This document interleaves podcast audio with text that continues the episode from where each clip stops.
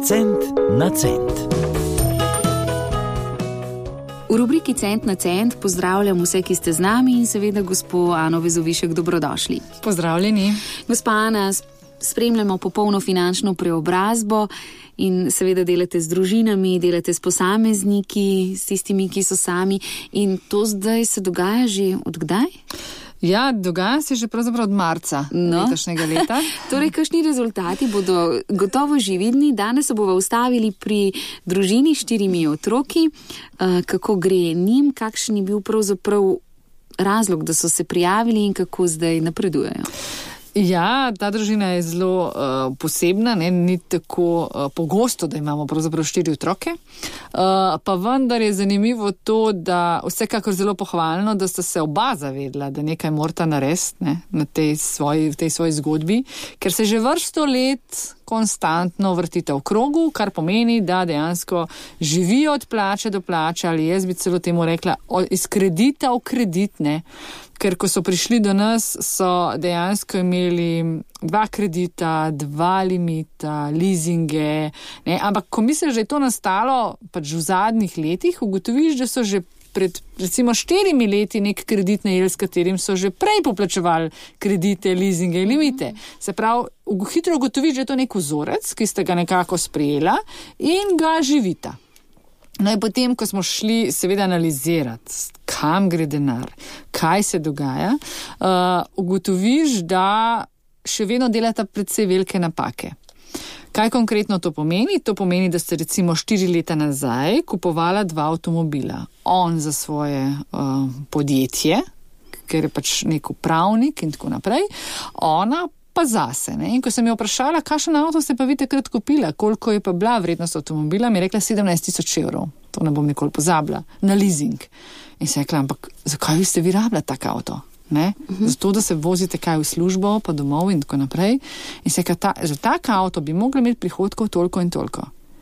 Se pravi, in ko smo danes gledali situacijo, imamo torej dva avtomobila, pri čemer je en avto, ne, ga je vrednost danes, ne vem, leasinga še cirka 5000 evrov, avto pa je vreden cirka 10 tisoč evrov.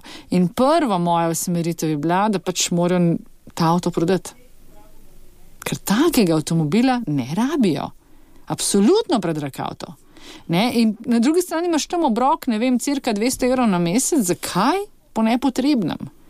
Se pravi, znebil bi se leasinga, imel bi avto, ne vem, za cirka 5000 evrov, ki lahko prav tako biti iz točke A do B. Enako, ampak ko vprašaš ljudi, zakaj ste ta avto kupovali, je, je gospa rekla, zato ker sem jih prejšnji tuh kvaril. In pa pogledamo, kakšen preskok, to, to se pogosto dogaja. Naredimo iz enega, ker se nam je kvaril, gremo v blazno drag avto.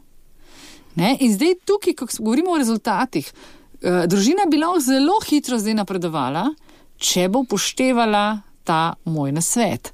Ampak to je pa najtežje. Ja, torej, zdaj se odločajo, ja. prodati ali ne. Ja. Ampak, Ko... Ana, vmes ste rekli, to je predrag avto za take prihodke.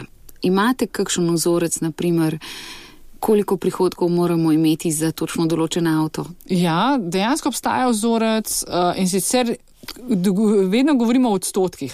Ko rečem, jaz imamo prihodke, to nam predstavlja 100 odstotkov. In od tega je 15 odstotkov maksimalno, kar damo lahko za avto.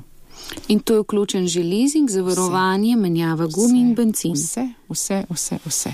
Ne, in to ljudje, ker tukaj logika deluje in če se bi tega držali, seveda ti potem ne more zmanjkati naprej. Ampak v takem primeru ne, smo pa ugotovili, da pri tej družini, seveda, ker ga mož uporablja tudi za poslovne namene, bistvo ne svoj avto, je da na mesec 1000 evrov. Govorim, benzin ima on poslovnik, ima cirka 400 evrov, pa imamo dva leasinga, pa ima ona benzin, pa se zavarovanja, mislim, in rečeš, kaj je zdaj to, a delam samo za avto.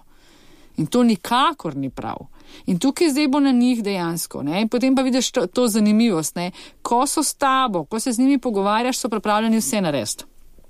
Vidijo, wow, ta učink, joj, točno, le kako enostavno. Ne? Ker potem, če gledamo naprej zgodbo, ko ti to prodaš, se leasinga znebiš, ne, ga nimaš več, lahko tisti denar usmeriš v poplačilo drugega leasinga. Mm. In ko smo šli računati, bi oni v enem letu tudi drugega odplačala. In pol naenkrat ti v enem letu stane 400 evrov na mesec. Skratka, začne se kot talit, ne, temu se reče snežena kepa, ampak moš pa prvi korak narediti.